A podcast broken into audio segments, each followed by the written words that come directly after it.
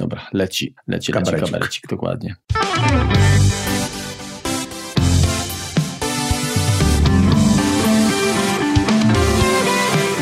Witajcie w 65.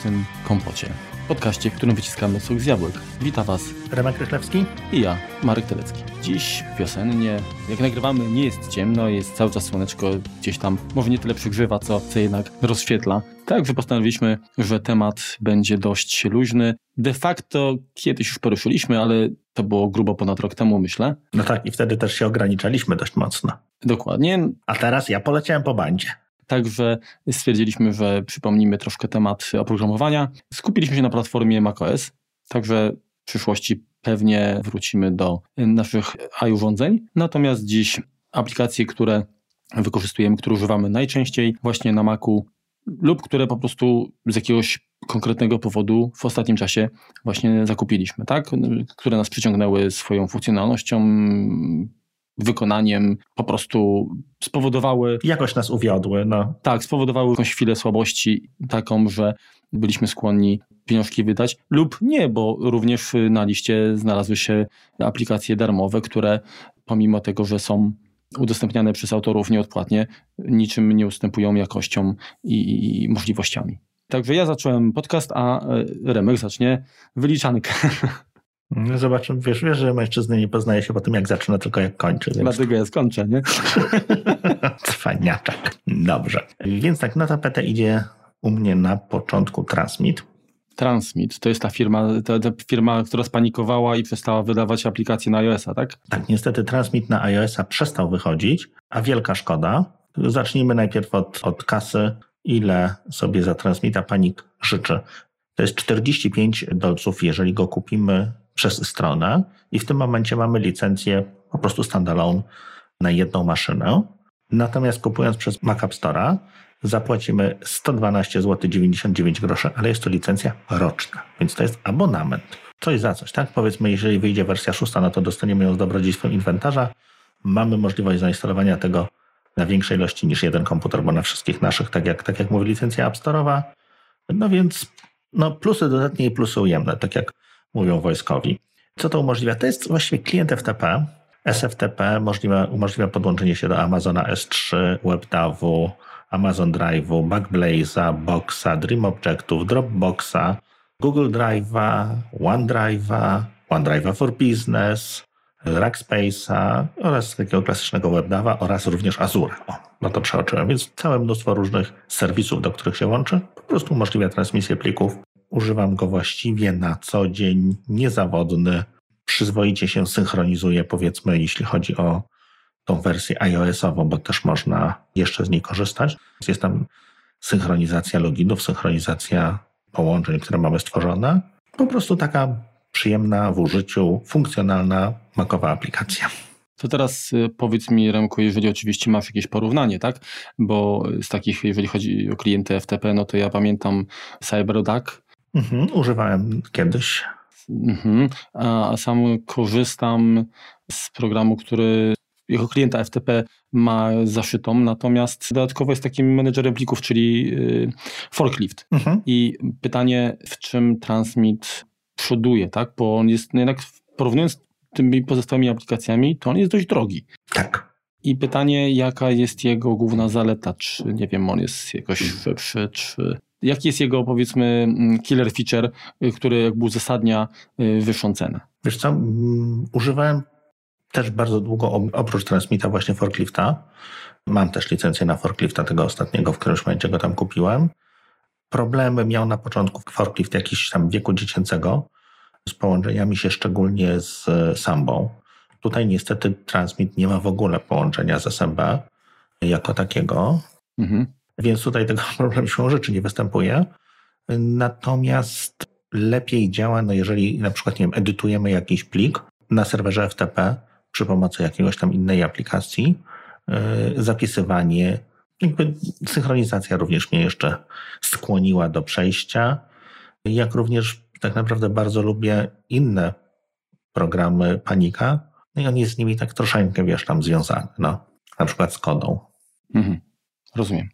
Powiem tak, ja generalnie aktualnie stosunkowo rzadko korzystam z FTP, w związku z czym wystarcza mi na takie potrzeby właśnie forklift, którego nawet nie podniosłem do, do, do trójki. Mhm. Mam 2.6.6 bodajże chyba wersją taką zainstalowaną. Także swego czasu nawet rozważałem, ale przy takim incydentalnym użyciu moim zdaniem jakby inwestycja czy tych 45 dolarów, czy tych 113 zł rocznie, to nie, powiedzmy no, jest to kwota do przyjęcia, tak? To jakoś tak nie widzę tego. Być może mhm. jak, jak mi się zmieni troszkę jakby model pracy, no to wtedy faktycznie y, kwestia narzędzia, które będzie nie wiem, stabilne, szybkie, no to oczywiście będzie miało tutaj decydujące znaczenie. I jeżeli transmit taki jest, a wierzę, że używasz nie tylko z sentymentu do firmy, ale dlatego, że stabilność połączeń i, i szybkość działania jest tutaj bez zarzutu, mhm. no to być może przetestuję jakąś wersję, jeżeli jest oczywiście wersja trialowa. Demo jest, jest. Jest demo, no, no to, to zobaczymy, ale na razie jakby nie potrzebuję. A w ogóle powiedz mi, Transmit jako, jako, aplika- jako taka, taki program dostępny na Maca, no bo na iOS to właściwie to był taki, yy, taki ich chyba eksperyment. No jedna wersja właściwie, niestety, tak. To yy, ile lat jest rozwijany już, kojarzysz? Oj, strasznie długo. Strasznie długo. Bo wydaje mi się, że on był dostępny chyba na systemy klasyczne jeszcze. Też mi się tak wydaje. Czyli tam 1990 tam któryś rok pewnie myślę, że jakieś wcześniejsze wersje można znaleźć. Poczekaj, już patrzę. Premiera była 7 kwietnia 1999 roku. Tak wygląda. 97 roku. 99. 9, a okej. Okay. Mhm. Tak przynajmniej to wygląda. Jeśli chodzi o archiwum, to wersja 1.0 to jest 7 kwietnia 1999. Rozumiem. Dobrze, to teraz czas na mnie. Ja zacznę od aplikacji. Znaczy, generalnie u mnie aplikacje to większość to będą jednak e, rozwiązania, znaczy tak pół na pół, ale większość to jednak będą albo niskobudżetowe, albo darmowe i krótko mówiąc takie popierdółki. Ja bardzo lubię aplikacje, które są stworzone do małych i konkretnych rzeczy, bo najczęściej w tym momencie to działanie, y, to co robią, to jest jedna, dwie, trzy rzeczy, tak powiedzmy, są bardzo dopieszczone. Często te kombajny niestety mnie rozczarowują i są takimi molochami, takim bloatwarem, kurczę, które tam zanim się uruchomi, zanim zadziała i zanim ja się w tym rozeznam, to by się odechciewa po prostu. Także często takie właśnie programy, które gdzieś tam uruchomię, skonfiguruję, zapomnę i one działają, to jest coś, co to jest jakby taka też troszkę dla mnie filozofia makowa, tak? Bardzo za to właśnie cenię. I programem pierwszym, który tutaj mam na liście, to jest aplikacja AirBuddy stworzona przez gościa, którego pewnie osoby przynajmniej nieco bardziej zorientowane, jeżeli chodzi o iOS-a, to myślę, że kojarzą. Bo to grzebacz jest straszny. Mhm, to Giulhermo Rambo, tak? Znaczy, no, Rambo to wszyscy kojarzą, ale może akurat tego pana niekoniecznie. Natomiast to jest człowiek, który jest takim grzebaczem dość znanym właśnie w środowisku, który między innymi chyba to on wynalazł, znalazł jakby w kodzie systemów y, odniesienia do bezramkowego iPhone'a mhm. i chyba też dużo tego było i, i chyba też od, od HomePoda jakieś tam rzeczy, mhm. z tego co kojarzę. Zresztą on chyba jest redaktorem w 9 to 5 Mac. Teraz tak, tak. Ale człowiek naprawdę łebski i, i jak widać dobry, dobry programista.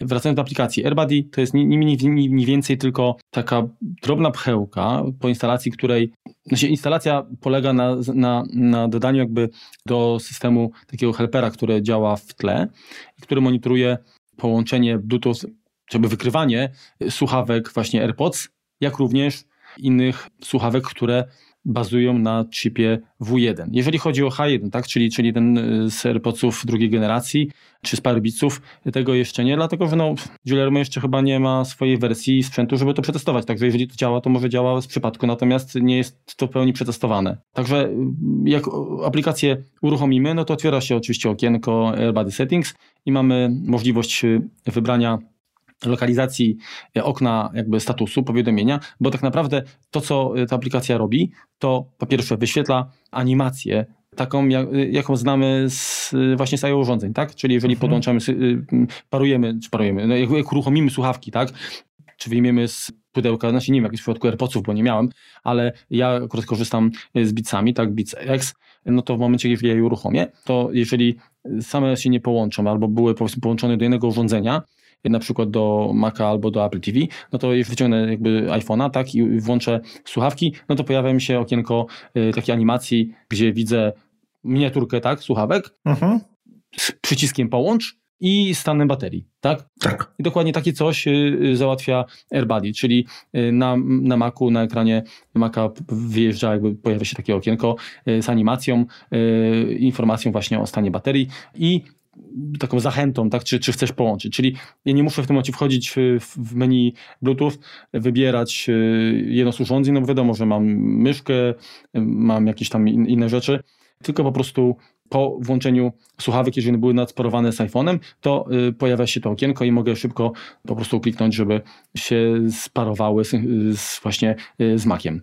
Widzisz, no to można się czegoś dowiedzieć. Nie wiedziałem, że masz myszkę. Tak, mam Magic Mouse. Mhm. Jak na razie to, to tylko takie rzeczy dodaję. A, jeszcze jest jedna sprawa. Oczywiście instaluje się dodatkowo widget y, w centrum powiadomień, tak? I widget nazywa się Batteries i wyświetla zarówno informacje o bateriach w komputerze, jak i w innych urządzeniach, w tym również iUrządzeniach. Czyli na przykład u mnie pojawia się, pojawiają się słuchawki, Mac i iPhone, tak? Mhm. Natomiast ja nie pamiętam teraz, docelowo chyba mają być wspierane właśnie takie rzeczy jak, jak, jak myszka, jak klawiatura, ale na chwilę obecną chyba jeszcze, jeszcze to nie zostało dodane. Fajna taka miła dla oka, takie eye candy, tak? Mhm.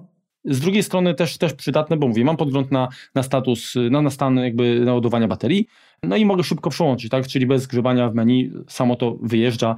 Jest to takie bardziej intuicyjne. Pytanie, dlaczego tego standardowo nie ma w systemie, tak? Dokładnie. Gdzieś tam y, y, sam no Apple gdzie niegdzie dba jakby o, o taką spójność, tak? Żeby to jakby user experience było bardzo, bardzo takie zbliżone na, na jednej na drugiej y, platformie.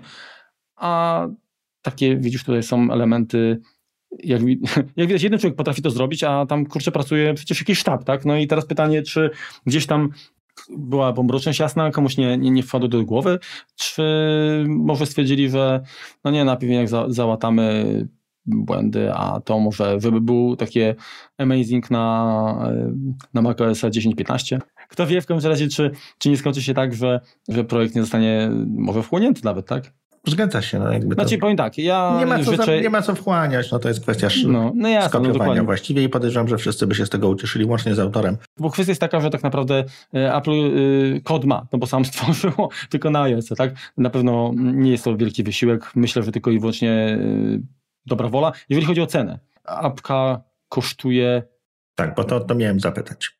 można dać to łaska, ale nie mniej niż 5 dolarów, tak? Aha, no i spoko. No, także całkiem przystępna cena, no to jest w sumie patrząc na, no wiadomo, że jeżeli y, patrzymy, sobie przeliczamy tu na złotówki, no to jejku, tak? Ale z drugiej strony to jest pewnie kwestia tam, nie wiem, jakiejś kawy dobrej, Mhm. I, i, I absolutnie ja nie miałem żadnego, żadnej chwili zawahania. Zresztą nawet na Twitterze, jak jeszcze nie było to dostępne w sprzedaży, a zobaczyłem nagranie animacji z tego, jak, jak to wygląda, to byłem podjarany i tam jakiegoś tweeta też puściłem.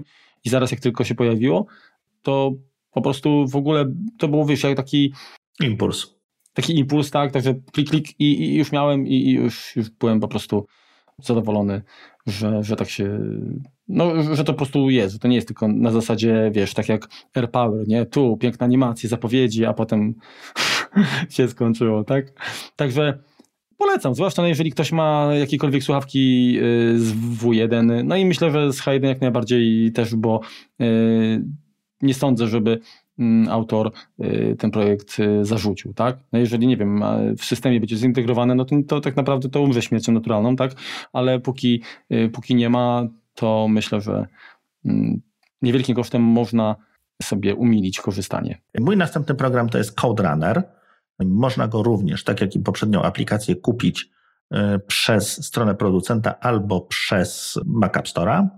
Kosztuje to 19 dolarów przez stronę producenta i 70 zł bez grosza przez Mac App Store'a. Tutaj nie ma już żadnych ograniczeń odnośnie y, wersji czasowej i tak dalej. Co to robi? To jest taki edytor dla programistów, stosunkowo prosty, mały, tak naprawdę, szybciutko się uruchamia, który podświetla składnie, który umożliwia dopowiadanie pewnych tam zmiennych czy, czy poleceń języka, w którym się posługujemy. Języków obsługuję całe mnóstwo od Apple Scripta po, TypeScript, po TypeScripta przez Swifty, LaTeX, y, Lua, Markdown, nie będę tego wymieniał. Ja się skupiam na PHP, na którym zdarza mi się coś tam dłubać. I z racji tego, że tak jak, tak jak kiedyś mówiłem, ja jestem programistą niepraktykującym, no to nie potrzebuję takiego idei jak Xcode. Powiem szczerze, ono jest dla mnie za duże, ja w nim bym się gubił, tak?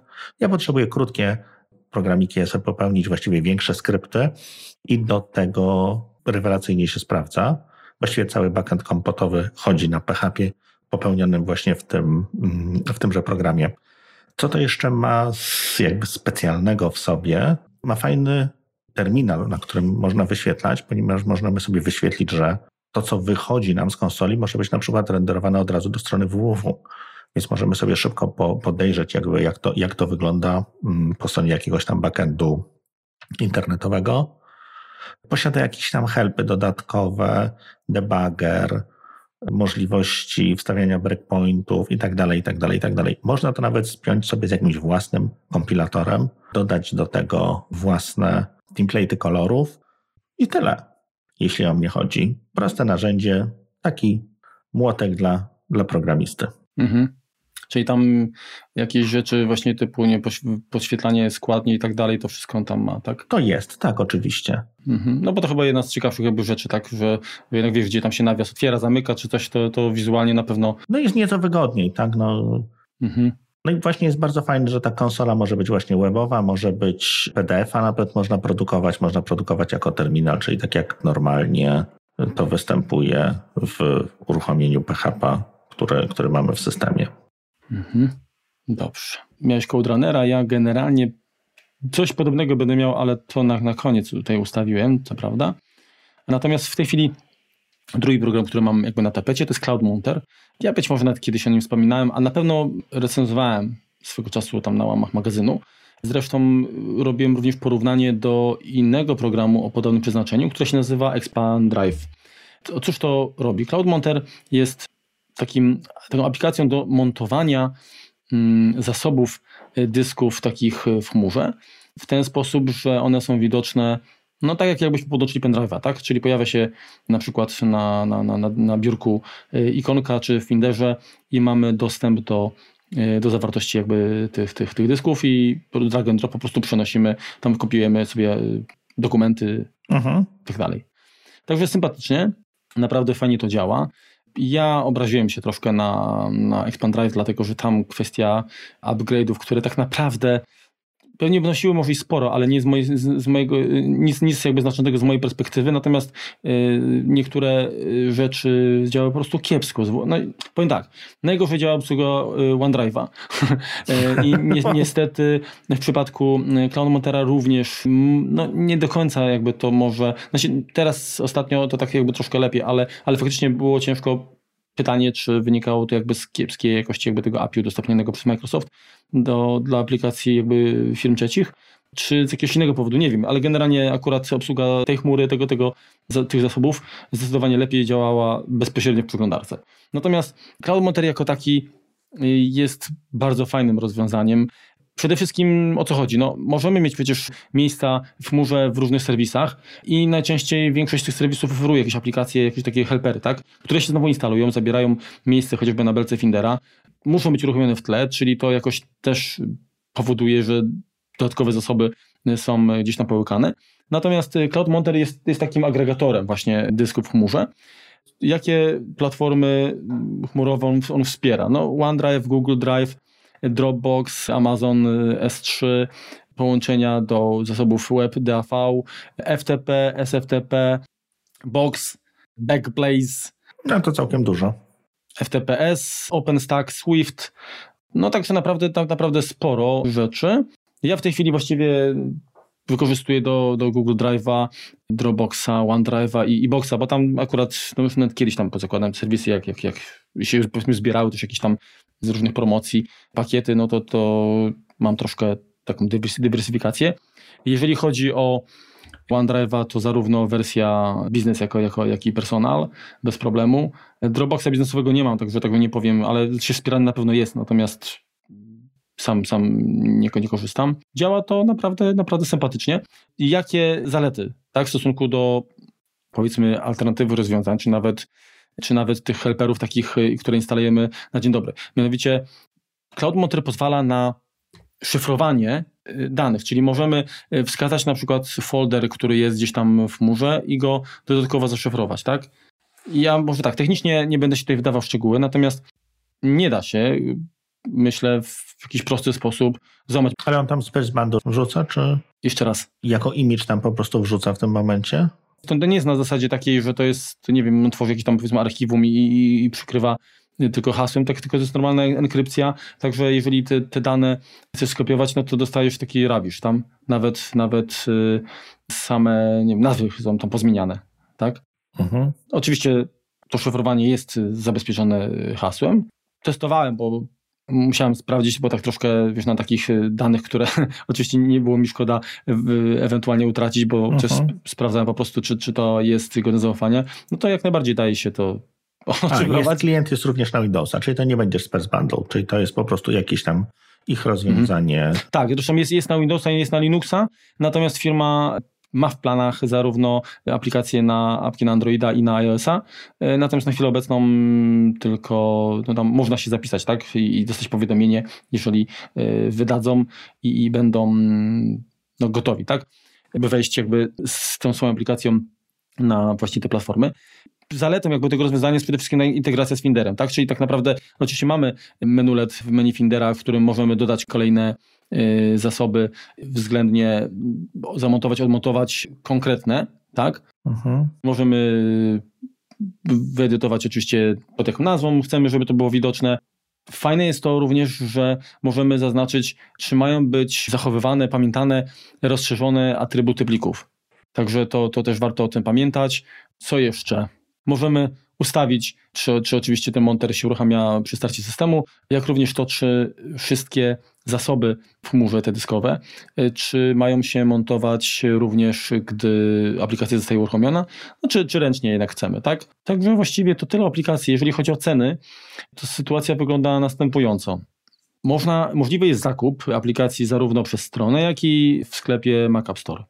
W Mac App Store licencja wieczysta, tak? To jest koszt 124,99 124 zł 99 groszy. Natomiast można wykupić również, również wersję taką na 3 miesiące, o dziwo, za 42 zł 99 groszy. Przez stronę natomiast licencja na, jed, znaczy na jednego Maca, tak, na jednego Maca to jest 114, no właśnie, bo teraz tak, w Mac App Store mamy de facto do pięciu komputerów, tak? Przez stronę kupujemy, to mamy wybór, tak? Licencja y, osobista, tak? Na jednego Maca i to kosztuje 114 zł 51 groszy. Dodatkowo Lifetime Upgrade Guarantee, czyli gwarancja tego, że wszystkie update'y będą no, już jakby w cenie, to jest 57 zł 24 grosze. No czyli razem wychodzi 211 zł 26 groszy. No całkiem sporo, tak? W przypadku, o Jezu, przepraszam, Lifetime Personal License to jest 114, tak? Ale a, czyli licencja jest jakby ważna, a, a, a upgrade'y faktycznie i tak i tak musimy to płacić. Dobra, na 5 na, na pięć komputerów to jest już 381 zł i 80 groszy. No, na 50 to już się robi 572 zł 82 grosze. No i y, gwarancja upgrade'ów, no kolejne 286, czyli ponad 1000 zł. Sporo. Natomiast dlaczego ja z tego korzystam? Między innymi dlatego, że sam kupiłem aplikację, kiedy weszła kiedy pojawiła się na rynku i bodajże to była kwestia albo 4, 4 dolary 99 albo nawet 2,99 i pamiętam, że kiedyś pojawiła się również w 2 dollars Tuesday. Także zdaje się, że też również w jakichś bandlach można ją nabyć. Także to nie jest tak, że jesteśmy jakby uwiązani i musimy położyć tak, tak duże pieniążki, a no, aplikacja cały czas jest rozwijana i, i to w dobrym kierunku konkurencji poza Expand Drive'em w sumie nie wiem, czy ma jakąś konkurencję. Już później nie badałem tego rynku. Zdecydowanie preferuję ten produkt. No to tyle. To jest, powiedz mi, kto jest deweloperem tego? Firma Eltima. Kojarzysz firmę? Tak, kojarzę. No jak wejdziemy na stronę, to mamy Media Player na przykład, tak. Jest coś takiego, tak, Download Manager, Folks. Mhm. Taka była chyba ikonka odkurzacza takiego. takiego. Natomiast ja pamiętam jeszcze od nich właśnie Photobulk, czyli taką, taką aplikację do takie podstawowe obróbki zdjęć, tak? Jakieś e, zmiana rozmiaru, optymizacja, dodawanie znaków wodnych. Mają też w swojej ofercie aplikację Commander One, czyli też taki, taki troszeczkę jak forklift, tak? Powiedzmy, czy, czy Midnight Commander, tak? Manager plików na, na Maca i na inne platformy zresztą też. I mają taką aplikację SyncMate do synchronizacji danych. No, kiedyś z SyncMate'a skorzystałem jeszcze dawno, mm -hmm. bardzo dawno temu. Dobra, co jeszcze mogę powiedzieć, bo prze, przeszukałem w momencie, kiedy ty Marku szukałeś, to jeśli chodzi o szyfrowanie, to jest AS 256-bitowy, więc no, mogło być ciutkę lepiej. Powiem szczerze, to AS to nie jest jakieś takie super bezpieczne szyfrowanie. Aktualnie to no jest bardzo mocno akcelerowane przez wszystkie koparki bitcoinowe, tak? Bo to można sobie przestawić taką koparkę, one tak naprawdę liczy ASA. Mhm. Więc no dobrze, natomiast bez rewelacji. Może tak, ale wiesz, ja generalnie i tak, i tak w chmurze nie trzymam nie wiadomo jak, jak wrażliwych informacji, tak? A mhm. tak naprawdę zabezpieczyć się w 100% nie da, tak naprawdę możemy tylko utrudnić. Myślę, że to wystarczy. No jak będę na celowniku, to będę się zastanawiał nad czymś większego kalibru. Jasne. Kolejne aplikacje, to ja tu troszeczkę oszukam w tym momencie, bo, bo wepchnę dwie, ale one są dość podobne do siebie. Obydwie służą do edycji PDF-ów, więc jest to PDF Pen Pro firmy Smile Software, który możemy kupić za 124,95 dolara. To jest ta wersja profesjonalna, ona jest tam troszeczkę bardziej rozbudowana. Jest jeszcze wersja zwykła. Jak również dostępny jest on na Mac App Store za 600 bez grosiaka, więc to już jest raczej dość drogie. Jego konkurencją jest PDF Expert, który kosztuje normalnie 80 dolców, a przez Mac App Store 380 bez grosiaka. Czym się różnią, do czego służą? Generalnie różnice nie są wielkie. PDF Pen Pro umożliwia OCR-a, czyli można sobie tego, ten powiedzmy zdjęcie, które mamy w PDF-ie, czy krzywe zamienić z powrotem na tekst. To się bardzo, bardzo przydaje. Można przy jego pomocy, jeżeli mamy PDF-a, który jest po prostu formularzem do wypełnienia, i ten formularz to są po prostu szare miejsca, czy wykropkowane miejsca, to na pewno wszyscy znamy, umożliwia przetworzenie tego PDF-a na, taki, na takiego, gdzie te miejsca po prostu będą edytowalne i możemy tam sobie po prostu wpisać wartości. Już przy pomocy normalnego czy podglądu, czy akrobata, czy generalnie innego viewera PDF-ów i potem w tej formie zapisać, czy, czy wydrukować, czy wysłać. To się bardzo przydaje. Umożliwia również konwersję dokumentu na formaty y, Worda, mm, Excela czy, czy, czy chyba PowerPointa też, no ale to mało, mało przydatne. Natomiast no, można sobie jak gdyby zamienić. To jest rzecz unikalna dla niego. Można przede wszystkim kopiować rzeczy, wycinać, zakrywać i to zakrywać nie tak, że wstawiamy po prostu czarne tło, a tam dalej literki są, tylko po prostu wycinamy fizycznie informacje. Więc tutaj trudniej jest się jak gdyby dostać do, do, do zawartości e, naszego PDF-a. Jeśli chodzi o edycję, to również możemy jakieś tam poprawki robić, wstawiać obrazki. No, generalnie no, pracujemy z tym, z tym PDF-em no, prawie tak, jakbyśmy pracowali z dokumentem w Pages. Tak? Tam są pewne jak najbardziej ograniczenia wynikające ze struktury jego, natomiast działa to bardzo w porządku. A czemu używam dwóch? No, używam dwóch, ponieważ czasem PDF Pen Pro potrafi się gubić, jeśli chodzi właśnie o edycję, potrafi tam czcionki nie dopasować, czy coś, no po prostu ten dokument potrafi rozsypać. Niestety ostatnie wersje tak robią. Natomiast czegoś takiego nie ma w PDF Ekspercie, który umożliwia również modyfikację czy wypełnianie form, formularzy, natomiast no, nie ma takich opcji y, jak OCR bodajże i, i tworzenie dokumentów Office'a. Dobrze, no teraz ja tylko dodam, że ja PDF Pen Pro jak najbardziej korzystam. E, znaczy korzyst, miałem taki okres, że po prostu akurat pracowałem w, z takimi dokumentami, że, że był niezbędny wręcz. To jest wersja chyba 7.3.6, którą posiadam. Rzeczywiście super e, aplikacja i też pamiętam, że, że zdarzało się niestety czasami mu troszkę, troszkę pogubić. Mhm. Fajne jest to, że można obsługiwać PDF Pen Pro, bo w przypadku PDF Experta się nie wypowiem, bo nie pamiętam, chyba nawet może gdzieś nawet mam, ale powiem szczerze, że, że nie, nie korzystałem z, tego, z tej aplikacji. Natomiast przy PDF, przy PDF Pen Pro jak najbardziej można OCR-ować korzystając z Apple Script. Mhm. Taki, taki, że tak powiem, kod Smile, Smile Software, tak? Tak. Smiley, tak? Czy, czy jak tam Smile Software. No, Czy Smile teraz oni, już no, chyba tylko software porzucili chyba. Mhm. To można znaleźć gdzieś na forum, czy tam na ich stronie. Ja to wykorzystywałem zresztą w przypadku takiego, e, takich akcji, takiego workflow w, z Hazelem. Mhm. No bo jedną z jakby z opcji, pamiętasz, Hazela jest to, że on potrafi przeszukiwać jakby zawartość y, właśnie takich zocerowanych dokumentów, czyli nie wiem, jeżeli na przykład generujemy PDF-a normalnie na drukarce wirtualnej, tak, no to w tym momencie on już ma tą warstwę ma. Uh-huh. Natomiast jeżeli dostajemy z, z, różnych źródeł, to może być tak, że, że akurat tego, tej, tej warstwy tekstowej nie ma, w związku z czym no, nie przeszuka tak, dokumentu, żeby, żeby do, dopasować tokeny, wzorce i tak dalej. Natomiast właśnie za pomocą PDF Pro mogłem przeskanować, jakby dodać jakby OCR, warstwę OCR do wszystkich dokumentów po to, żeby później no, Hazel, Hazel mógł y, z nimi zrobić porządek.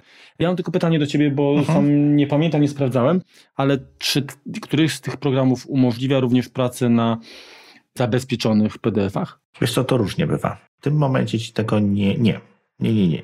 Standardowo nie umożliwiają, trzeba sobie najpierw tego PDF-a odbezpieczyć. Mhm. Ale to jest, wiesz, tam po prostu software'owy DRM. Tak, ale a właśnie, a, a, a czego używasz? Niczego. Nie robię tego, bo to nie wolno. Podpuszczające, oczywiście. No, chciałeś mnie tutaj, no. No. Upraszczając, PDF Expert, jak sama nazwa wskazuje, bo tam jest Edit and Sign PDFs, czyli on służy do właśnie do edycji i podpisywania, natomiast PDF Pen Pro jest już takim zupełnie szwajcarskim scyzorykiem. No, nie jest to pełna funkcjonalność akrobata dużego, natomiast no, akrobata dużego też posiadam, ale go nie instaluję, bo to jest krowa okrutna. Całkowicie mi wystarcza PDF Pen Pro. Tam, gdzie potyka się, po prostu zastępuje, tak jak mówiłem, PDF ekspertem. Swoją drogą ciekaw jestem, y, czy sam akrobat y, jest w 100% powiedzmy skuteczny, czy też się czasami pogubi? Nie wiem, nie próbowałem. Okej, okay. no to nic, to może się ktoś wypowie ze słuchaczy, chociaż pewnie nie się nie wypowiedzą, bo, bo się nigdy nie wypowiadają. No może nie nigdy, rzadko się wypowiadają. No. Dobra, to teraz ja. U mnie na liście numer 3 to jest taka kolejna, kolejna pchełka w wersji na Maca, zresztą najpierw się pojawiła w wersji na Maca, potem dołączyła wersja na iOS-a. Yoink firmy Eternal Storms Software, tak? Generalnie Matthias Gansriegler, bardzo, bardzo utalentowany programista austriacki, o ile, o ile mnie ram nie zawodzi. Program dostępny jest za 7 dolarów 99 centów w Mac App Store, czyli to wychodzi tam 37, tak? 99 e, złotego. Mhm. Co to jest? To jest półka na dokumenty, tak? Czyli generalnie, mm, jeżeli zaznaczamy oknie, czy na, czy na, na biurku jakieś, jakieś e, czy, czy gdzieś na, na stronie nawet, tak, zaznaczymy jakiś, powiedzmy, ten tekst, to możemy takie zaznaczenie, taki, taki clipping, czy, czy właśnie mówię, te zaznaczone dokumenty umieścić na takiej tymczasowej półce. Ta półka może wyjeżdżać e, z boku, po jednej, po drugiej stronie, tam nie wiem, z dołu też chyba. Ja to mam akurat po, po lewej stronie jakoś tak zawsze najwygodniej.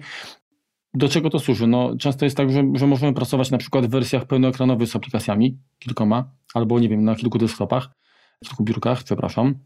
Y, nomenklatura poprawna musi być.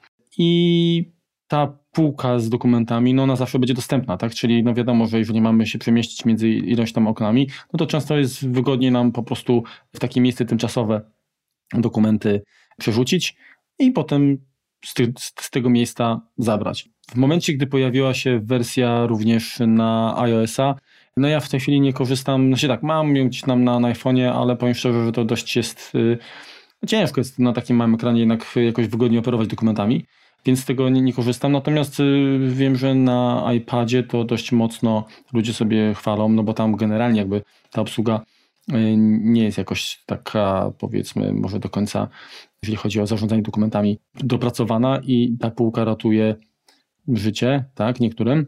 Natomiast od którejś aktualizacji niedawno pojawiła się opcja jakby synchronizacji y, między wersjami macOS i iOS, czyli jeżeli coś wrzucimy na półkę, to powinno być to dostępne no, na, na iOSie, tak? Jeżeli wrzucimy na, na Macu, tak? To powinno być dostępne mm, właśnie na iOSie, czyli to jest mniej więcej troszeczkę podobne jakby do tego schowka takiego, co mamy schowek iCloud, tak? Czyli jeżeli coś byśmy skopiowali, no to może jesteśmy w stanie to y, wkleić y, na urządzenie, które korzysta z tego samego Apple ID. Natomiast no tutaj związane jest to nie tylko jakby z takimi danymi typu tekst, ale no również z innymi dokumentami. Także myślę, że całkiem, całkiem sympatyczna rzecz. Wersja na iOS-a, ona dziś kosztuje 5 dolarów 99 centów, czyli, czyli tam 2 dolary taniej niż, niż wersja na macOS-a. Też, też są często y, promocje, także można wyhaczyć znacząco, myślę, taniej. Program jest napisany naprawdę z dbałością jakby o, o detale. Zresztą y, nawet sam Federico Vidici się przynajmniej rozpływał nad wersją y, iOS-ową, no bo sam jest iPad only, tak? Y, także, także tam myślę, że Macową też ma, ale, ale wiadomo, z wiadomych względów się skupiał na tej. I chyba też w polecanych przez samo Apple Joint się pojawiał. Także no jest to pełka no, najwyższej klasy, powiedziałbym, tak? Mhm. Także polecam. Ja korzystam, bo ja generalnie lubię, lubię aplikacje, lubię w ogóle deweloperów, którzy właśnie tak, tak podchodzą jakby z sercem do swojej produkcji. Są naprawdę takie wycenzurowane, dopieszczone, także cokolwiek. Znaczy, mam chyba wszystkie produkty, które tam Matias y, stworzył. Nie ze wszystkich korzystam, ale, ale nie żałuję jakby żadnych, żadnych pieniążków wydanych, dlatego że to jest po prostu kawał dobrej roboty, tak? Kolejnym moim programem, który mm, lubię używać i często mi się przydaje, to jest Kaleidoscope. On jest również dostępny na iOS-a i, i, i całkiem fajnie działa nawet na iPadzie. Natomiast do czego to służy? Umożliwia porównywanie ze sobą zawartości folderów, zawartości plików. Teraz tak, zacznijmy od pieniędzów. To kosztuje y, na stronie internetowej producenta można pobrać za 70 dolarów bez centa lub y, przez Mac App Store za 300 30 zł bez grosza. Teraz tak, bardzo ładnie por, można nim porównywać tekst w plikach tekstowych. Tak, czyli to, co się doda, to, co się zmieniło, zaznacza to, co przyszło, to, co wyszło, ładnie zaznacza, można sobie to poprzenosić, co się często przydaje, jeżeli mam, różne osoby pracują nad jakimś tam, czy, czy źródłem, czy mamy zmodyfikowanego jakiegoś CSS-a i wyjdzie nowa wersja, my chcemy jednak te nasze zmiany zachować, czy generalnie jakiekolwiek webowe. Fikumiku się przydaje do edycji. Bardzo fajnie też działa porównywanie zdjęć, tak? Ponieważ te zdjęcia nie muszą być identyczne. On potrafi jak gdyby po, pokazać tam różnicę. Można sobie zobaczyć, co się zmieniło. Tak, mamy zdjęcie przed edycji, po edycji. Mamy y, możliwość jakby prze, płynnego sobie z, zmiany na ekranie, co, co, co, co ma być wersją pierwszą, co ma być wersją drugą, powiedzmy jak również umożliwia porównywanie całych folderów. W tym momencie widzimy, jakie pliki nam się zmieniły, jakie pliki nam doszły, jakie pliki nam ubyły. No też jak gdyby proste narzędzie takie do, do porównywania. No niestety nie tanie, natomiast y, przydaje się w pracy. Jak również można tworzyć z niego jakiś, jakiś workflow, tak? To jest też, to jest też ważne. Okay, a powiedz mi, jeżeli chodzi o porównywanie zdjęć, czy on porównuje właśnie różne wersje, czyli gdzieś tam, bo jakie znaczniki on po, yy, powiedzmy... Znaczy nie, wyrzucasz mu po prostu pięć zdjęć i on ci porównuje te pięć zdjęć między sobą. Czyli jeżeli to będzie zdjęcie na przykład, nie wiem, identycznie, dajmy na to, jedziemy w to samo miejsce. Tak. Ustawiamy, nie wiem, kurczę, nasze aparaty telefonu obok siebie, tak? Ja robię iPhone'em 7, ty robisz iPhone'em ten i wrzucamy to, on znajdzie, że to porówna jakby zawartość, że to są te same zdjęcia? Znaczy wiesz, to nie chodzi o to, żeby porównać, czy tak naprawdę to parami się porównuje te zdjęcia, znaczy chodzi mi po prostu o to, czy on wynajduje podobieństwa na, w zawartości, tak? Czy rozpoznaje, nie wiem, tam jakieś kształty, kolory, czy to jest na zasadzie, że mam, nie wiem, ileś wersji tego samego zdjęcia, ale ja je przerabiałem, nie wiem, zmieniam, robiłem tam nie, resize, jakąś dekompresję, czy coś tego i on wtedy wie, że, że to jest to samo zdjęcie, tylko w różnych wersjach? Wiesz co, nie, on umożliwia po prostu, możesz je sobie przeglądać. To nie, nie ma tam jakiejś tam automatyzacji, tak, że on pokazuje ci zmiany. Czekaj, nie, przepraszam, pokazuje zmiany, tak, ale robi po prostu ksora z tego, czyli, czyli różnicę. Mhm. Czyli jest to tak naprawdę mało piękne w sobie. Natomiast ja go głównie do tekstu używam. Tak naprawdę no, zdjęcia są tutaj. No, no, no ale no, to tekst jest chyba kwestią dość yy, prostą, tak? Porównujesz po prostu tam, nie wiem, ilość znaków, słowa i tak dalej. Znaczy, w stosunku do. No tak, tylko wiesz co, no potem coś mogło wejść do środka, coś się pozmieniało, no to nie są to mm, prostsze. Używałem czegoś tam darmowego i on się gubił. Mhm. Natomiast y, z tym nie ma problemu, żebym, żeby po prostu mi zgłupiał, tak? Okej. Okay. No dobra, to teraz y, u mnie będą kolejne już aplikacje, będą tylko i wyłącznie darmowe. Znasz firmę albo produkt iMazing? Tak, używałem w wersji pierwszej. Mhm. Właśnie. Team jakby deweloperski, który jakby ma na swoim koncie właśnie ten program, który tam przypomnijmy służy do no, zarządzania jakby kopiami, tak, czy zawartością iPhone'a, tak? No grzebania troszeczkę też, tak już. Tak. Bo, grzebaniem, dokładnie. Opublikowali jakiś czas temu program darmowy właśnie, Amazing Hates Converter, tak? No, High Efficiency Image Codec, tak? Czyli nowy format, który Apple wprowadziło w iOS 11 chyba, tak? Jeżeli dobrze pamiętam. I, i chyba w Sierze. Chyba tak. Tak? Jakoś, jakoś tak było. W każdym razie o co chodzi? Zdjęcia stworzone nowymi, wystarczająco jakby nowymi yy, słuchawkami, tak? Oferują lepszą jakość, tak zawierają jakby tam więcej informacji, a przy okazji okazuje się, że oferują również lepszy stopień kompresji, tak? Czyli, czyli są bez jakby utraty jakości, czyli zajmują mniej. Natomiast o ile posiadając Maca i iPhone'a, powiedzmy, czy iPada, nie jesteśmy tutaj, nie mamy problemu, tak? Bo, bo y, jest wspólny ekosystem i to zdjęcie pobrane, skopiowane jakby z, z iPhone'a na, na, na MacBooka czy na, na, innego Maca da się otworzyć, no to jeżeli wyślemy w takim formacie, tak, jako hate do użytkownika na przykład PC z Windowsem, mhm. to niestety będzie miał problem. I Amazing Hate Converter, no właśnie jest takim scyzorykiem, tak, który nasz problem tutaj rozwiązuje czy ucina. Mianowicie umożliwia zapisywanie czy konwersję formatu HATES do dwóch innych formatów najbardziej popularnych, czyli JPG i PNG. Mhm. Działa to na zasadzie drag and drop, jest stosunkowo szybkie, nie, konwersja nie powoduje utraty danych EXIF, tak, czyli geotagging, jakieś tam informacje o, o tym, jakim aparatem zostało to zrobione i tak dalej. To wszystko jest zapamiętane. Wspiera również profile kolorów, włączając również te z poszerzonym gamutem, tak, czyli te nowe takie no i przede wszystkim jest darmowe, tak? Także to trzeci raz jakby mówię o tym, ale ja bardzo cenię takie właśnie pchełki, które no, można naprawdę sobie ułatwić e, życie, nie ponosząc tak naprawdę żadnych kosztów. Co więcej, no oczywiście w przypadku formatów możemy ustawić, tak, czy, czy gdzieś jakaś dodatkowa kompresja ma, ma, czy utrata jakości ma mieć miejsce. Także proste narzędzie, które umożliwia nam konwersję właśnie do najpopularniejszych formatów w jak najbardziej bezbolesny sposób? Mm, chyba nie mam pytań, bo to raczej prosta sprawa. Znaczy, no są takie, zresztą swego czasu pamiętasz, y, też wspominaliśmy. Mitch Optim. Optim, dokładnie, tak. I to też jest tylko no, praktycznie jedno zadanie, robi to rewelacyjnie i to jest podobnie. Znaczy, no, jak nie, nie mam takich zarzutów do tej aplikacji, nie sądzę, żeby ona jakieś, nie wiem, te zdjęcia gdzieś tam przesyłała dalej, w związku z czym nie, nie boję się o swoją prywatność. Działa, także polecam. Mhm. To ja przejdę do do aplikacji, która ma całe mnóstwo zatrzęsienia ustawień. To jest Bizical w wersji trzeciej aktualnie. I też tak jak właściwie wszystkie aplikacje, o których mówiłem, w sumie to zbieg okoliczności. Jest to nie, nie, autor nie miał tego na myśli. Możemy je kupić i na stronie producenta, jak również przez Mac App Store'a. Na stronie producenta 50 dolarów bez centa, natomiast w Mac App Store 240 zł bez grosza. To jest program zastępujący kalendarz systemowy. Wygląda troszkę ładniej, natomiast no dobrze, nie będziemy płacić 250 zł za to, co, że ma ładniejsze kolorki. Co dalej? Ma integrację z serwisem podającym pogadę. No, dalej nie warto zapłacić. Tak, pewnie tak powiecie. Możemy sobie wstawiać jakieś ikonki czy obrazki do kalendarza. No fajnie.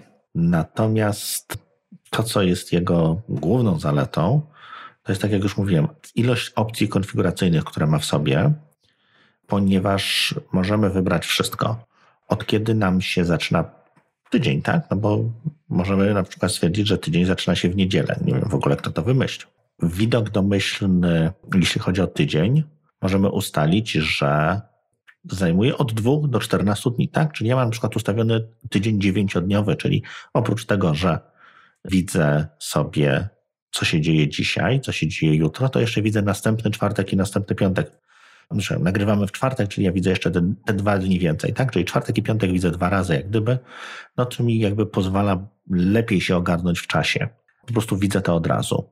Tak samo jak kalendarz Apple'owy ma możliwość ustawienia żeby było widać, kiedy mamy wschód i zachód słońca, ma bardzo dużo integracji z różnymi kalendarzami, bo to jest oczywiście iCloud, ale uwaga, do niego trzeba zrobić specjalny login, ponieważ on nie korzysta z tym two-factor authentication i trzeba się po prostu zalogować tam przy użyciu dodatkowego hasła. To się bardzo szybko robi, bez problemu. Co dalej? Google, Yahoo, Frux, Fastmail, Office 365, CalDAV, Exchange, E, to są mm, systemy kalendarzowe, z którymi on się integruje, więc to, to bardzo fajnie chodzi. Tudusy, czyli rzeczy do zrobienia, również potrafi wyświetlać. E, alarmy możemy sobie dowolnie konfigurować, jeśli chodzi i o dźwięk, jak i o czas. Ma bardzo fajną opcję podobną nieco do Fantasticala, czyli on potrafi sobie troszeczkę ten natural language processing zrozumieć to, co mu piszemy, tak? czyli to, co sobie wkleimy do niego, potrafi to rozszyfrować. Ma bardzo fajne opcje takie, że wyszukuje automatycznie miejsce, w którym dane, nie wiem, spotkanie mamy jakieś w, nie wiem, gdzieś, gdzieś ustawiamy sobie w jakiejś restauracji, to potrafi ją po prostu wyszukać i umieścić jak gdyby jako, jako pozycję, którą potem sobie możemy wyszukiwać przy pomocy mapy.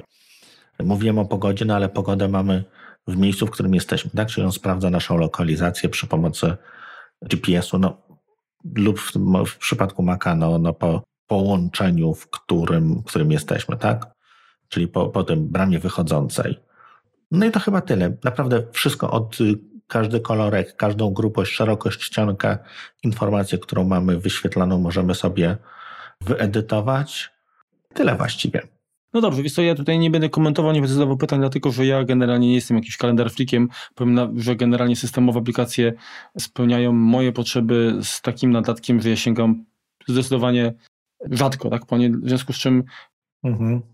Nie jaram się jakby alternatywami, które pewnie są niczym masz na szczury, ale nie, nie moja bajka. Natomiast wierzę, wierzę tobie. Ty wiesz, ja akurat w kalendarzu mam wszystko wpisane, zarówno mam swoje kalendarze, jak i mam kalendarze rodziny i powiem ci szczerze, no bez tego to byłoby trudno się ogarnąć.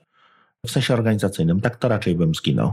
Mhm. Okej. Okay. Czyli na zakończenie ostatnia aplikacja, którą ja tutaj wybrałem i tak jak wcześniej wspomniałem, gdy skończyłeś mówić o CodeRunnerze, no ja nie programuję jakoś tam, właściwie moje jedyne programowanie, nazwijmy to, mhm. przynajmniej jeżeli chodzi, przynajmniej jeżeli chodzi o, o powiedzmy takie prywatne, prywatne życie, no dokładnie, to pralka, magnetowid, a tak serio, no to jedyne co to są zabawy mm, z Hazelem i Excelem.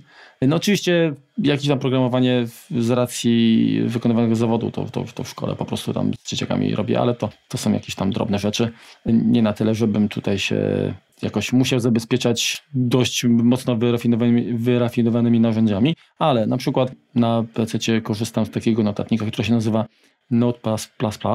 On jest bardzo fajny i wykorzystuję go na przykład na zajęciach z nauki podstaw HTML-a. Niestety nie ma Notepad++ na Maca, natomiast alternatywą, która no oczywiście to nie jest taki zamiennik jeden do jeden, ale w dużej mierze jest, ma dużo podobieństw i, i bardzo mi się podoba. Jest edytor Sub Etha Edit, y, darmowy, dostępny w Mac App Store. Ze strony chyba jest przekierowanie do jest, tak, tak, właśnie tak, dokładnie. Store'a, ale jest, jest direct download też, tak, wtedy można ze strony też pobrać. I teraz tak, no co on ma? No ma wielopoziomowe Undo, ma edycję y, bloków, czyli można jakby wiele, wiele linii edytować jakby w tym, w tym samym czasie, tak, to jest, to jest też całkiem sympatyczne. Oczywiście jest mega rozbudowane wyszukiwanie, tak, czyli możemy tutaj się wspierać jak najbardziej regexem, tak. Mhm. Numeracja linii, jeżeli tworzymy właśnie jakiś kod HTML, to jest podgląd na, na żywo. Tak samo oczywiście to, to, to, to działa. w przypadku CSS-a i JavaScriptu możliwość mm, otwarcia jakby wielu okien, czyli jeżeli chcemy porównać dokumenty na przykład, to, to bardzo, bardzo to ułatwia. No jest integracja z systemem, czyli pełna obsługa mm, Apple Scripta. Co tam jeszcze z takich rzeczy, które tam pamiętam? No jest właśnie to, co, o co Ciebie pytałem odnośnie tego Code Runnera, czyli jest jak najbardziej Mhm. Kolorowanie składni, uwielbiam to. Jest y, autocomplete, tak, czyli, czyli też dopełnianie. Jeżeli oczywiście komenda jest poprawnie wpisana, to, to nie musimy jej tam w całości wpisywać, tylko to, co rozpoznane jest, to to um, automatycznie tam się pojawia. Pewnie, znaczy na, na pewno jest dużo, dużo więcej rzeczy, jakieś, jakieś, jakieś tworzenie, e, nie, praca jakby wspólna tak nad dokumentem, można zapraszać ludzi, natomiast ja z tego nie korzystałem, także się nie wypowiem jak to działa biorąc pod uwagę, że to jest program darmowy, on zresztą przez długi czas był mm, w takim, nazwijmy to, stanie uśpienia i, i dopiero jakoś, nie wiem, parę miesięcy temu chyba autor jakąś taką mm, aktualizację wypuścił i, i, i wtedy wcześniej, czy on był darmowy, ja nie pamiętam, ale wiem, że kiedyś już, już z niego też korzystałem i bardzo się cieszyłem, że, że on jeszcze żyje i, i od jakiegoś czasu właśnie z tego korzystam właśnie edytora y, do takich, no powiedzmy, nie tekstów y, na potrzeby Jakichś publikacji, tak? Y, publikacji, tak, tylko, tylko właśnie takich bardziej odnośnie kodu czy skryptów. To ja widzisz, to też tutaj może troszeczkę poza konkursem coś podobnego, o czymś podobnym wspomnę. Textastic. Nie wiem, czy widziałeś coś takiego, czy znasz to? Kojarzę, ale nie, nie, nie korzystałem. On jest nieco tam płatny, bo on kosztuje tam 38 zł. Wersja na Maca, na iOS-a też tyle samo dokładnie. Umożliwia synchronizację chyba plików. Nie, on korzysta z e, iCloudowej synchronizacji, natomiast również ma kolorowanie kodu, podpowiedzi e, przy tam HTML-u, CSS-ie, JavaScriptie, PHP, C, Objective-C, czyli dużo mniej niż, niż CodeRunner. Nie ma też integracji z kompilatorem, czy, czy, czy nie, umożliwia, nie umożliwia uruchamiania y, tam tych skryptów, natomiast też jeśli chodzi o edytor tekstu, bardzo się sprawdza. Mhm. Jeszcze swego czasu, i to nawet y, za czasu systemu klasycznego, y, no to oczywiście korzystałem z BB Edit Lite'a, ale później jeszcze jeden produkt, niestety on już nie jest rozwijany, ale może pamiętasz nazwę, Smultron. Tak, korzystałem, tak. Tylko wiesz co, zmartwiło mnie to, że oni co wersję systemu wydawali aplikację, której teoretycznie nie trzeba było kupować, ale różniła się tylko ikoną. I stwierdziłem, że no jeżeli oni w ten sposób się zachowują, to, to nie będę z tego korzystał. Bermos miało też wersję darmową swojej aplikacji, taką prostszą. Natomiast to, co jest fajne, nie wiem czy wiesz, Bermons w wersji tej dwunastej powiedzmy, w momencie, kiedy przechodzi do triala, znaczy jak wygasa ci licencja, bo początkowo masz jakiegoś triala, obcina funkcjonalność, natomiast e, zostaje jak gdyby ta podstawowa funkcjonalność edytora tekstu. Mhm. Tam jakieś cuda, y, cuda berbonsów odpadają, natomiast podstawowa funkcjonalność zostaje i dużo osób po prostu pracuje na takiej wersji darmowej. Okej, okay. dobrze, no to myślę, że y, chyba na dziś starczy. Każdy z nas zaprezentował pięć programów. Pewnie część was jest Wam znana, być może y, czymś Was zaskoczyliśmy. Mm, nie są to na pewno, myślę, programy, które odmienią Wasze życie, aczkolwiek może tak się zdarzyć, jeżeli macie specyficzne potrzeby. Na pewno uprzyjemnią i jakoś zwiększą efektywność, może czy wygodę pracy z dokumentami na, na Macu. Jeżeli macie jakieś własne typy, ciekawe typy, tak, to, to, to skomentujcie to chociażby na Twitterze, czy, czy po prostu napiszcie do nas maila. Mhm. To może też wspomnimy, bo może się okazać, że kurczę zapomnieliśmy, a też są to nam tytuły znane. A jak nie, znam, jak, jak nie są znane, to bardzo chętnie lepiej, się z nimi zapoznamy, dokładnie. To właściwie tyle, ale nie, ja bym jeszcze na koniec to chciał tylko zwrócić uwagę taką, że jesteśmy bardziej aktywni niż wy. I to jest smutne, bo znaczy my i tak będziemy nagrywać kompot, bo nam to sprawia frajdę. Natomiast, kurczę, liczyliśmy na jakiś większy odzew. Czasami tam was nie za często, ale prosimy o jakąś aktywność, jakąś interakcję. No i rozumiem, że być może komentowanie, nie wiem, jakichś postów na Onecie może być ciekawszym zajęciem. Nie, no teraz oczywiście żartuję, bo nie sądzę, że, że nasi słuchacze yy, należą do tej grupy, do tego targetu. Natomiast byłoby miło, gdyby jakaś taka aktywność z waszej strony od czasu do czasu oczywiście się pojawiała. No, to nie, nie chcę generalizować, bo mamy grupę słuchaczy, która jest zawsze aktywna. Mhm. To, jest, to, jest, to jest miłe, to jest... No, I bardzo jesteśmy nim wdzięczni. Tak. I to, to naprawdę motywuje, tak, bo tak naprawdę o tam chodzi, bo przecież mm, Kompot jest projektem totalnie darmowym, tak, my nie mamy z tego żadnych, żadnych profitów praktycznie to, co, to co, czym się dzielimy, to są nasze doświadczenia zwykle na, na bazie, czy zwykle, przede wszystkim na bazie aplikacji czy sprzętu kupionego za nasze własne pieniądze zarobione w inny sposób. I staramy się jak, naj, jak najrzetelniej prowadzić, tak, te nagrania. Jedyne, czego oczekujemy, to właśnie jakieś waszej takiej interakcji. No, od, od praktycznie od początku kompotu prosimy Was na przykład o, o, o jakieś propozycje tematów. Trochę dostaliśmy, tak? Natomiast. Może no... raz, może dwa, y, no ale to, to, to były pojedyncze te przypadki. I tak naprawdę, znaczy, dlaczego to, to nie chodzi o to, że, teraz narzekam, tak? No, i, znaczy, mam taki. Nie, no narzekamy, tak. Znaczy, no, no nie, no ja po prostu czuję taki niesmak, bo tak naprawdę zwykle jest tak, że od innych oczekuje się więcej niż, niż od siebie, tak? A my byśmy chcieli, żebyś, żebyście jakby troszeczkę popatrzyli, co, jak wy możecie nam pomóc, tak? I naprawdę nie będzie to was wiele kosztowało, tak? Yy, po prostu, yy, jeżeli my wiemy, że trafiamy do, do szerokiego grona, no to jest to dla nas taka nagroda sama w sobie. Powiem tak, jeżeli pójdziecie do kina na, na jakiś fajny film, to co robicie? Wydaje mi się, że pierwsze co, to jak spoznacie kogoś znajomego, teraz mówicie, wiesz co, ale byłem w kinie na takim filmie, tak super, kurde, polecam. Dlaczego nie robicie tego, jeżeli, jeżeli jesteście zadowoleni z, z podcastu, który my wam serwujemy? Zróbcie trochę, trochę szumu. Naprawdę, to, to was nic nie kosztuje. A nas niestety kosztuje, ponieważ hosting nie jest darmowy, aplikacje, z których korzystamy, nie są darmowe. No chyba troszeczkę to słychać, że, że to nie jest tam nagranie jakieś takie z dżungli, tak? gdzie słychać dzieci bawiące się na zewnątrz czy inne. No to, to, to wymaga troszeczkę i, i, i sprzęt, i oprogramowanie pewnego nakładu, plus no, złożenie tego również no, zajmuje troszeczkę czasu, tak? To się nie dzieje samo.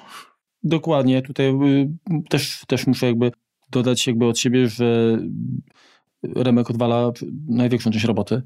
Cała obróbka to jednak jest, jest proces czasochłonny. Ja się za to nie zabieram, to bo raz, że no, nie mam takiego doświadczenia, a druga sprawa, tak naprawdę jak mieliśmy przerwę w zeszłym roku, to ja byłem zdemotywowany właśnie między innymi taką, taką wiernością jakby z waszej strony.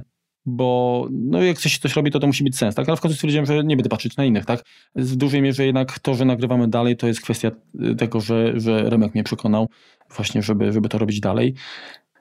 No, także Chyba więcej nie, nie będę tutaj narzekał, bo też nie chodzi o to, żeby druga część podcastu była poświęcona jakimś smutkom, tak? Mhm. To ja jeszcze tak, żebyśmy troszeczkę skończyli pozytywnie, tak? W fazie papi, update na koniec. To na przykład chciałem podziękować, bo to już dawno było, tak? Natomiast my mamy dość raz skomplikowany cykl wydawniczy, Natomiast no, w tym momencie teraz mogę powiedzieć, że wypuściliśmy odcinek Jabłka Admina, czyli tam rozmawialiśmy na temat to Michał L.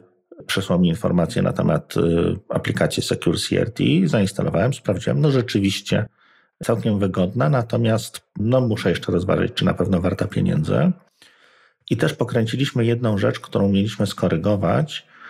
To było w podcaście dotyczącym Wirtualizacji? Wirtualizacji, dokładnie. Tam powiedzieliśmy, że Parallels Desktop, który jest dostępny w Mac App Store, działa sam z siebie bez dodatkowej licencji, a dodatkowa licencja jest to licencja roczna na uruchomienie Windowsa, więc już tak nie ma. Niestety zmienili, to jest po prostu licencja e, roczna na działanie aplikacji. Tak to było kiedyś. Niestety w tym momencie Corel, który jest właścicielem, coś tam nazmieniał i, i przedstawiliśmy Wam złą informację. No, no dobrze, to, to w takim razie ogłoszenia duszpasterskie się skończyły standardowo. Też y, erraty wszystkie, które miały zaistnieć y, również. Dziękujemy za wspólnie spędzony czas, za wysłuchanie nas. Naprawdę jak coś tam od siebie zostawić jakiś ślad w postaci komentarza, oceny, maila z propozycjami, również z krytyką, bo, bo to przede wszystkim jakby chyba nas też jakby motywuje do, do, do tego, żeby coś tam poprawić, bo mhm. jeżeli gdzieś popełniamy błędy, tak, to nam wytykajcie, tak? Nie mamy z tym problemu najmniejszego. Tym bardziej, że my też nie chcemy, żeby to było w ten sposób, że jesteśmy odpowiedzialni za wprowadzenie kogoś w błąd, tak? Absolutnie to jest ostatnia rzecz, którą chcielibyśmy robić. No to tyle. Pozdrawiamy w takim razie i do usłyszenia już wkrótce. Jaki będzie temat, to się okaże. Dzięki. Dzięki. Czołem. Na razie, cześć. Ale na jedną maszynę to nie jest tak, że wszystkie aplikacje z Mac App Store'a można zainstalować do pięciu komputerów? Mówię o stronie. Aj, przepraszam. Dobra, dobra. Wytnę, wytnę. Mhm. Coś jeszcze chciałbyś dodać do, do, do tej aplikacji? Nie, raczej nie. Dobrze. Barry Bones, to, to nie mają, tak nie pamiętam, kurczę, nazwy tego edytora, ale to może nam się przypomni dalej. BB Edit. No właśnie. No To właśnie. jest BB Edit, Mhm. który był od, od zawsze. Mhm. Nie, obsługuje H1 już. Z tego, co nawet informacja jest na stronie, nie obsługuje, w tym sensie, że A, jasne, dobrze, masz rację, tak, tak, tak, tak. no, Mighty była ta wcześniejsza, nie? Mhm. Z kółeczkiem. Bardzo fajna, ale niestety to kółeczko to Paciało się. tak. To co? No, ja tutaj jeszcze to też co, w ten sposób. Dużo osób po prostu pracuje, po prostu, po prostu, po prostu, po prostu. F, f, jest co? Nie wiem. Chyba masz rację jednak, wiesz? Mhm. Jeżeli chodzi o kwestię... A, no tak. Mm, Przypudruj nosek. nie wiem. Dobrze, no to teraz ja tam pff, powiem swoje, ale teraz dawaj ty. Dobra, teraz tak, Remku, y, wiesz to wytniesz to w WDC, bo to w sumie, kurczę, wziąłem wtopiłem, myślałem, że tam jest, kurde, nie sprawdziłem tego. Mhm. Jedna kwestia techniczna. Marek, jak będziemy tym tempem jechać, to my trzy godziny nie skończymy. Dobra, sorry. Spoko, fajnie, natomiast miało być krótko, a, a wiesz, rozgadałeś się. No. Zresztą ja pewnie też. Dobra.